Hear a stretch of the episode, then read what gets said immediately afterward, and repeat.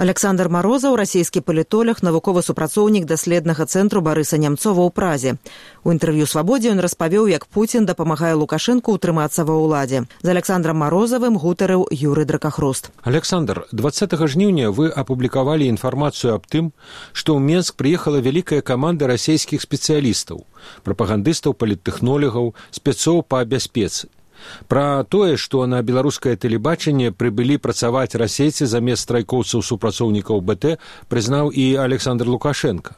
А вось наколькі дакладная ваша інфармацыя о прыбыцці паліттэхнолігаў і адмыслоўцаў пытаннях бяспекі? Ну, складывается такое впечатление, что после 14 августа, когда произошел первый телефонный разговор между Владимиром Путиным Александром Лукашенко, Владимир Путин просто да, принял определенные меры подготовки к дальнейшей ситуации.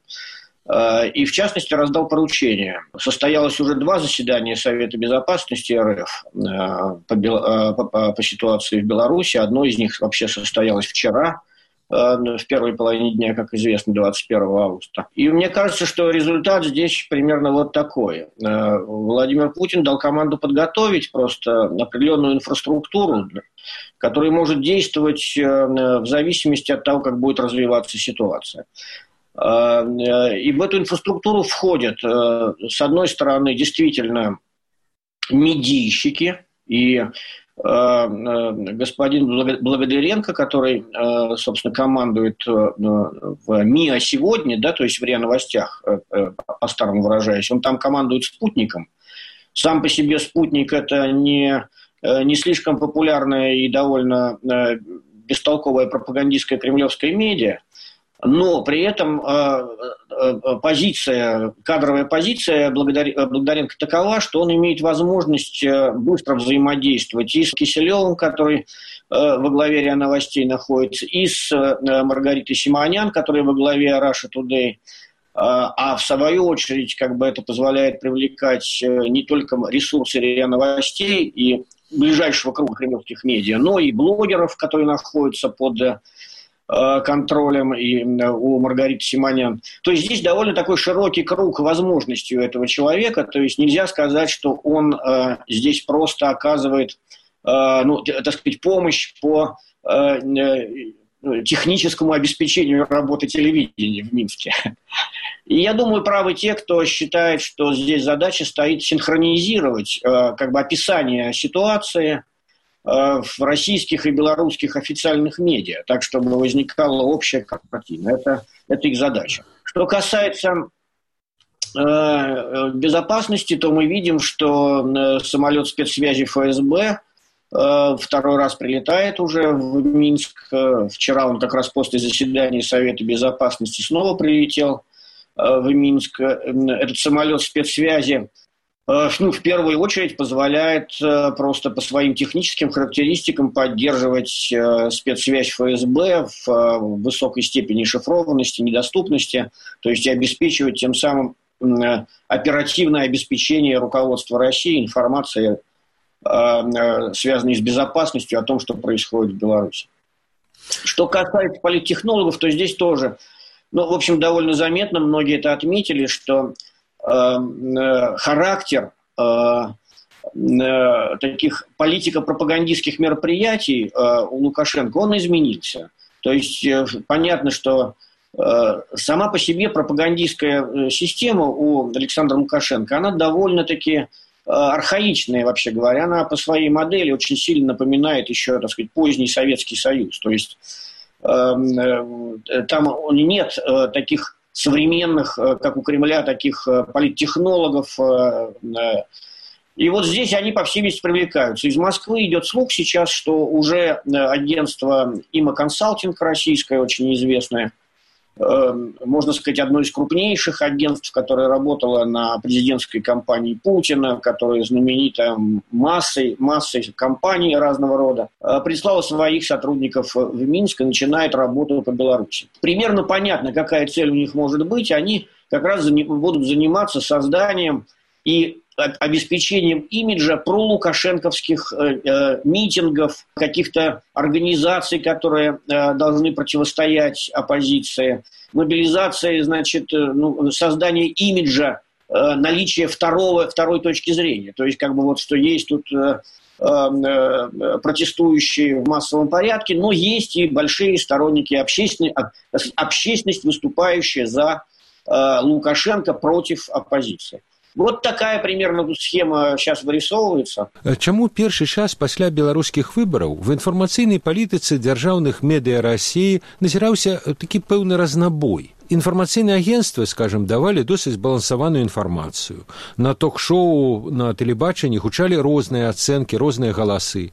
Шэраг пракрамлёўскіх палітыкаў, ну, напрыклад, Константин Касачоў, Константин Затулин, вельмі рэзка выказваліся пра Лукашенку. Ці назіраеце вы зараз большую згодненасць информационной политики? Да, на мой взгляд, он изменился, потому что действительно в первые 3-4 дня, собственно, и в Кремле еще не было ясного, ясного консолидированного ответа на ситуацию, ситуацию, потому что масштаб протеста к нему никто не был готов, не только Лукашенко, но и, э, но и к нему не были готовы и в Москве. И поэтому высказывались действительно самые разные оценки.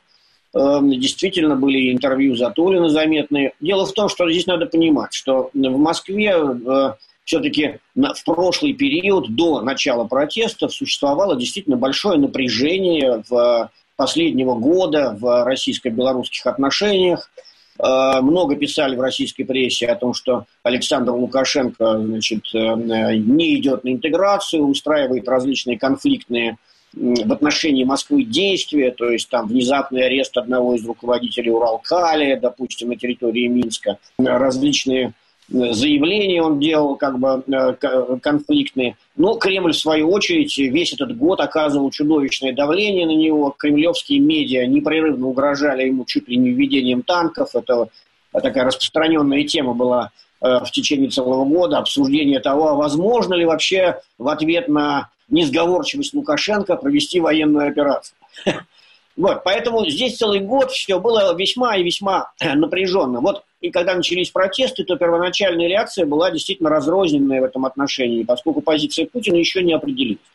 Но, на мой взгляд, сейчас позиция Путина определилась. Он э, выбрал э, стратегию для себя – Э, и в рамках нее и будет действовать. Эта стратегия рассчитана вот на что примерно. На то, чтобы помочь э, Александру Лукашенко, а, добиться некоторого расколов э, в рядах протестующих, то есть так, чтобы было складывалось впечатление, что есть два центра. Ну, то есть там, допустим, вот есть этот центр, а есть еще, например, фронт национального спасения Цыпкала, который в кремлевских медиа очень активно сейчас это не все видят, но я слежу, он так довольно-таки кремлевскими медиа подогревается. С другой стороны, дискредитировать лидеров оппозиции – это традиционная совершенно модель действий Кремля, просто любым способом. Вот есть члены Координационного совета или любые фронтмены э, протеста, э, не входящие в Координационный совет, может быть, забастовочные лидеры, может быть, какие-то публичные деятели, дискредитировать любыми способами. Биографические факты, вытянутые из ничего какие-то высказывания. То есть это такая модель,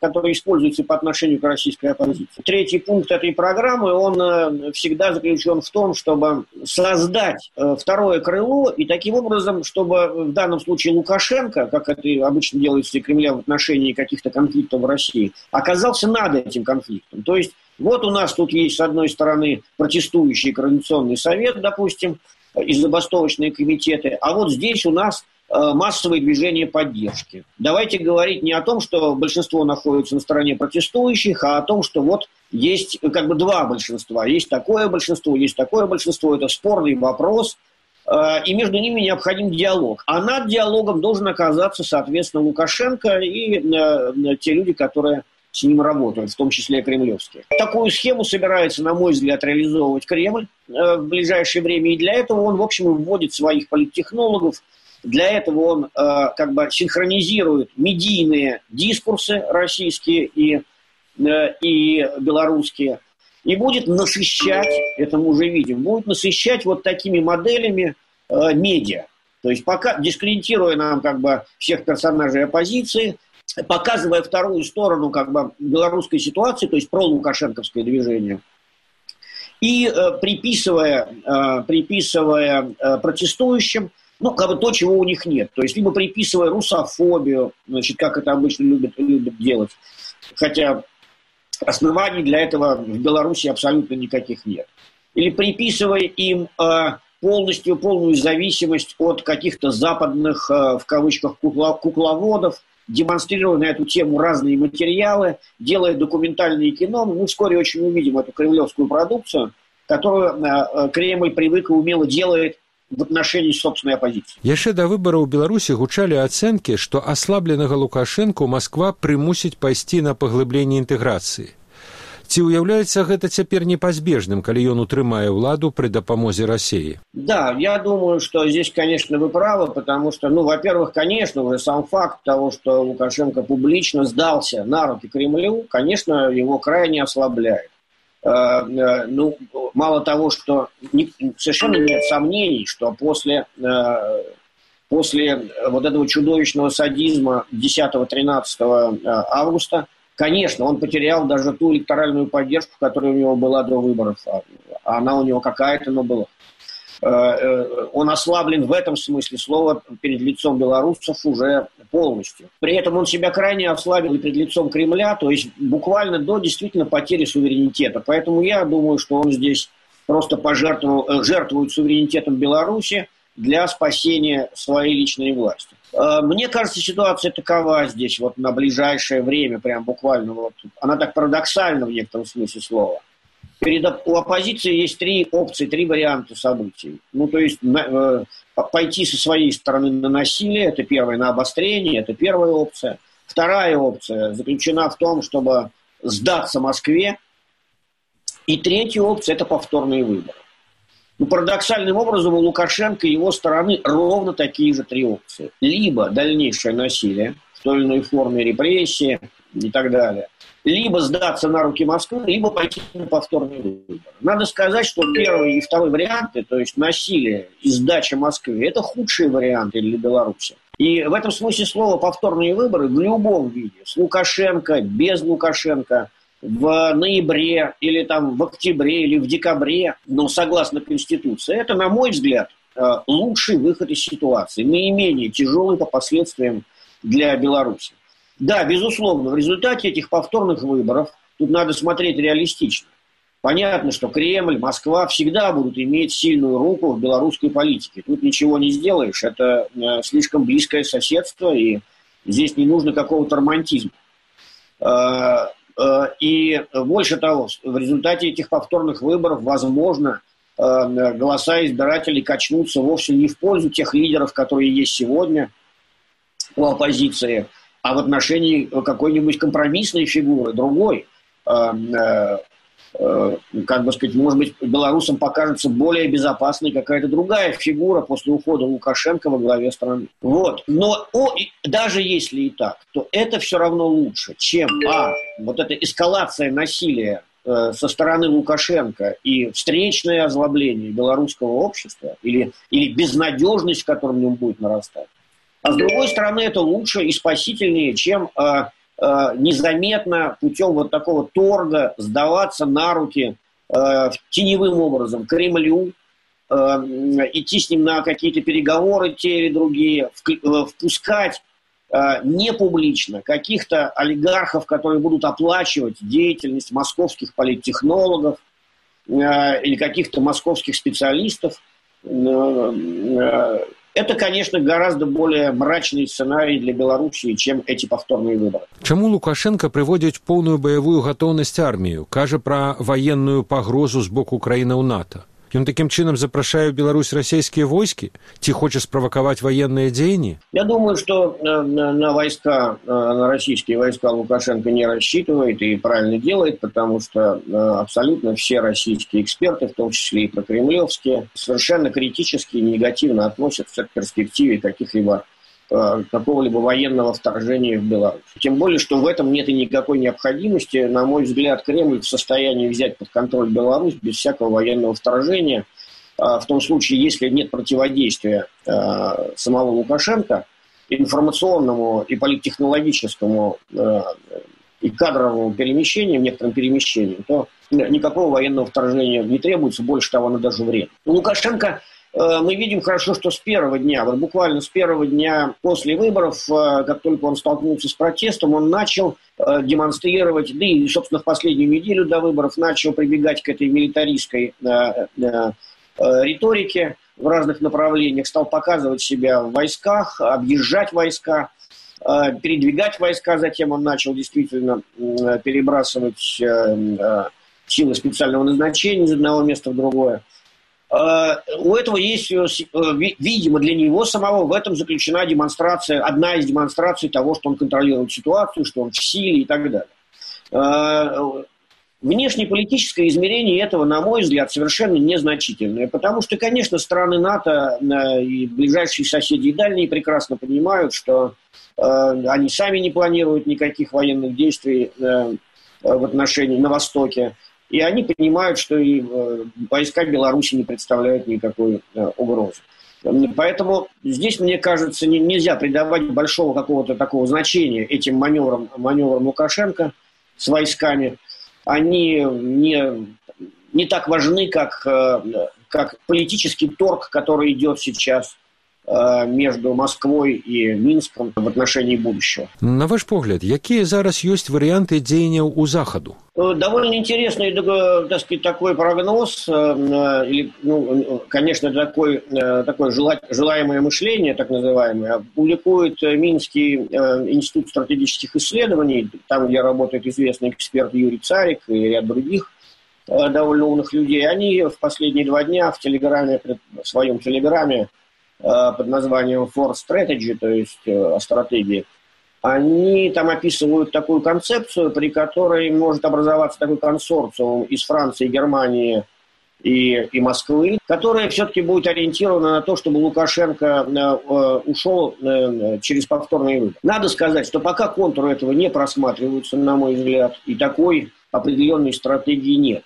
Несомненно, что европейские страны не признали, да, эти выборы и их итоги. Это зафиксированная ситуация. В этом смысле слова из нее что вытекает? Из нее вытекает логика повторных выборов. Потому что если эти не признаны, государство не может существовать э, без, э, дальше как бы без э, легитимной власти, и в какой-то момент она должна быть легитимизирована. Значит, повторные выборы. Такова позиция должна быть здесь Евросоюз. Э, которая тем самым и позволила бы выйти из политического кризиса. А с другой стороны, нельзя и преувеличивать возможности. Дело в том, что если Кремль не соглашается на повторные выборы, то, конечно, никаких инструментов надавить на него у Берлина э, и Парижа, э, а также у, скажем, Варшавы, Праги и, э, и Вильнюса, которые активно участвуют в ситуации, как бы в таком в смысле поддержки белорусского общества, Конечно, этих инструментов нет. Поэтому, э, если надо тут быть, конечно, откровенными совершенно и реалистичными, если Путин со своей стороны принимает решение, э, э, что ну, как бы, скажем, его, его, так сказать, люди обещают ему. Знаете, так это было примерно и во время э, кризиса в Украине в 2014 году. То есть Эм, если какие-то люди обещают Путину, что они в состоянии сохранить Лукашенко за счет политтехнологий, размывания протеста и его, э, значит, как бы рассеивания, э, и его уравнивания с пролукашенковскими движениями, то Путин на это согласится, э, может согласиться. Потому что это вот так, так, такой сценарий, который его тоже устраивает. Если никто не берется за этот проект, тогда повторные выборы для Путина тоже, тоже в общем, имеют свои плюсы откровенно говоря.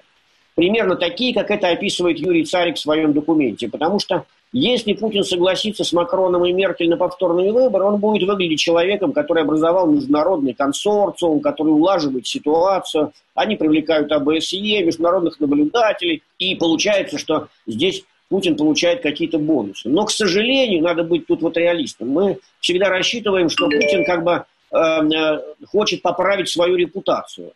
Но, к сожалению, это не так. На самом деле Путин никогда в результате не руководствуется вот этим вот, вот этой благородной идеей как бы вступить в альянс с какими-то лидерами Запада, вывести себя из-под санкций за счет этого – Кремль так не действует, к сожалению, хотя нам бы и хотелось. Ці звязанае атручэнне Алексея Навальнага з беларускім палітычным крызісам, ну, палітычна ці псіхалагічна, калі з беларусамі можна абыходзіцца так, як з імі абыходзіліся на акрэсцена і ўжодзені, дык што ўштрымлівацца ў России? Конечно, хотя прямой причинно-следственной связи между этими событиями нет, но вы совершенно правы.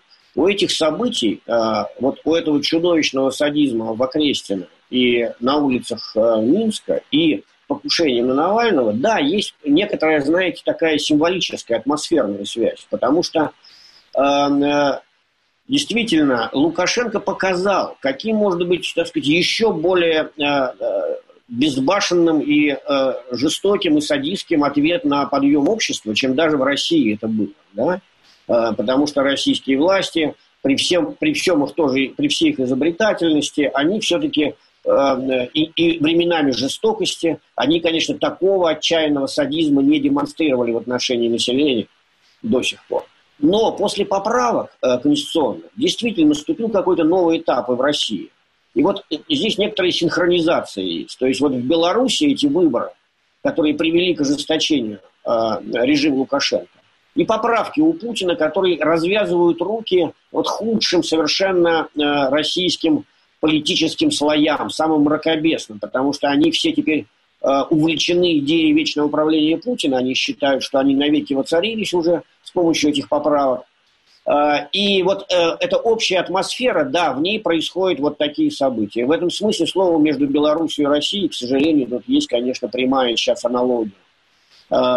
И аналогия, конечно, есть в России. Многие комментаторы об этом пишут. И между событиями в Хабаровске, и между, хотя это очень далекие места.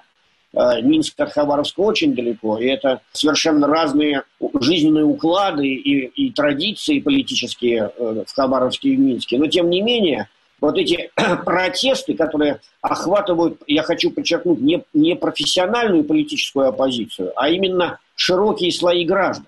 Вот в Хабаровске такая же ситуация. Это не политический протест каких-то там оппозиционеров э, политических. Это именно классический городской массовый протест. Вот в Минске такая же ситуация, поэтому это, конечно, симптоматично, что это все пространство охвачено примерно одной общей атмосферой. З Александром Морозовым гутарыў Юры Дракахруст.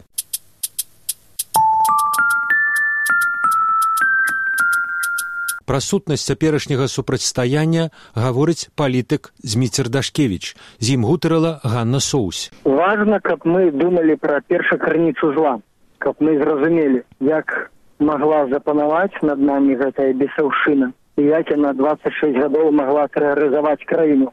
Калі людзі пачнуць пра гэта думаць і глядзець у корань праблемы, тады адбудуцца сапраўдныя перамены і яны будуць трывалымі ў часе а не такими, як в 91 годзе. А Зміцер, я бачыла, што фотаздымкі вы выставлялі, вы былі ў мінулую нядзелю разам з сотнямі тысяч людзей у цэнтры у цэнтры Менску. А як вы глядзіце на той мірны пратэст на вуліцах, які цяпер адбываецца і на, на, на тыя жорсткія вельмі захады ўлады да людзей з мірным пратэстам. Якім вы бачыце аптымальнае можа быць вырашэнне гэтага пратэста як, як, як ён можа выйсці у, што ён можа перарасці да чаго можа прывесці? Аптымальнае вырашэнне такое. Саня грузі бойных золатам грузі ў яго золотовалютны запас і міколку якога ты любіш. Дзякуй богу что это можа быць адзінае стварэнне ў свеце якое ты любіш. І можа быть таму яшчэ не патапіў у крыві тут всю Беларусь. Грузі гэта все што дорага твайму сэрцу зліткі і міколу і тапі на арабскія эміраты лепш мы адкупімся ад цябе золатам чым крывёю гэта аптымальнае вырашэнне канфлікту але для гэтага вырашэння людзі павінны зразумець пра прычыну праблемы цяпер вельмі многія паводзяць сябе інфантыльна разважаючы пра тое што вот тут лукашенко марсіянин зваліўся на нас в две тысячи двадцатым годзе жылі мы все такія хорошенькія счаслівыя все было добра тут раптам выборы фальсфікавалі я не зваліўся на нас ні двадцатым ні девяносто четвертым мільёны людзей удзельнічалі ў злачынстве і іншыя мільёны людзей маўчалі і гэта вельмі цяжкая сітуацыя яна не можа по шчаўчком пальцаў вырашыцца кветачкамі і, і акцыямі хоць і все гэта добра кветкі акцыі цягі і стужкі все гэта добра але гэта павінна ісці разам з вельмі глыбокім асэнсаваннем праблемы людзі не хочуць разумець гэтага слова пакаяння адносіцца да яго вельмі так павярхоўна па атэістычнаму сутнасць гэтага слова з грэцкай мовы палягае ў тым што чалавек перамяняе мысленне сваё калі мы не пераменім сваё мысленне зараз і не разумеем што лукаше прычына лукашызма у камунізме які ён абяцаў вярнуць савецкі саюз девяносто четвертым годзе то нават калі не будзе лукашэнкі прыйдзе гайдукевич заўтра і будзе намі баранамі кіраваць а каб такога не адбылося нам трэба усвядоміць што это вельмі цяжкая сітуацыя Могу распавесці прыпаведь такую вот один чалавек здраджваў жонцы 26 гадоў а потым праз 26 гадоў прыйшоў і сказаў вот клетачки табе ведаеш что тут такая ситуация давай там забудем сябры ведалі там сваякі ведалі все маўчалі а праз 26 гадоў сказали ну так вот же ну давайте забудем это нормально ці гэта ненормально я лічу что розум любого здорового человека сведчыць это ненормально нават калі ты один раз такой допусціўся ты павінен на коленях стаять і каяться перед богом і человеком якому ты зрабіў больно а мы 26 гадоў жылі ў злачынстве 26 гадоў мы жылі з палітвязнямі з сфальсифікаванымі выбарамі 30 разоў за этой 26 гадоў і гэта вельмі цяжкая сітуацыя яна не можа вырашыцца ні шчаўчком ні мітынгам ні адным ні двума ні трыма вельмі глыбокае павінен народ зрабіць асэнсаванне таго што адбылося і таго чаму адбылося Для гэтага сённяшні наш ланцуг. Курапатая крэсціна. Прычына акрэсціна ляжыць у курапатах у нераскаянных злачынствах камунізму калі мы гэта ўсвядомім зробім высновы з памылак. Тады будуць перамены так як адбыліся памеры перамены ў нацысцкай германії якая дагэтуль заўважце каецца за злачынства камунізму. Ніхто іх э, нацызму. Ніхто іх не кажа што меркель нейкі палітык мы тут не прычым да нацызму а кожны прыязджае і праз пятьдесят гадоў і праз сто так будзе і кажа прабачце за тое што мы зрабілі а ў нас тут все заўважце такія не пры справах чаму мы павінны прабачацца чаму мы павінны каяць сотні і сотні тысяч людзей фальсіфікавалі выбары сотні тысяч судах злачынныя прысуды выносілі сотні тысяч збівалі мільёны маўчалі і мы все ні пры чым лукашенко марсіяне зварыўся так не бывае ребята задумацца над прычынаю гэта адзіны наш шанец без крыві і мірна выйсці да новай беларусі.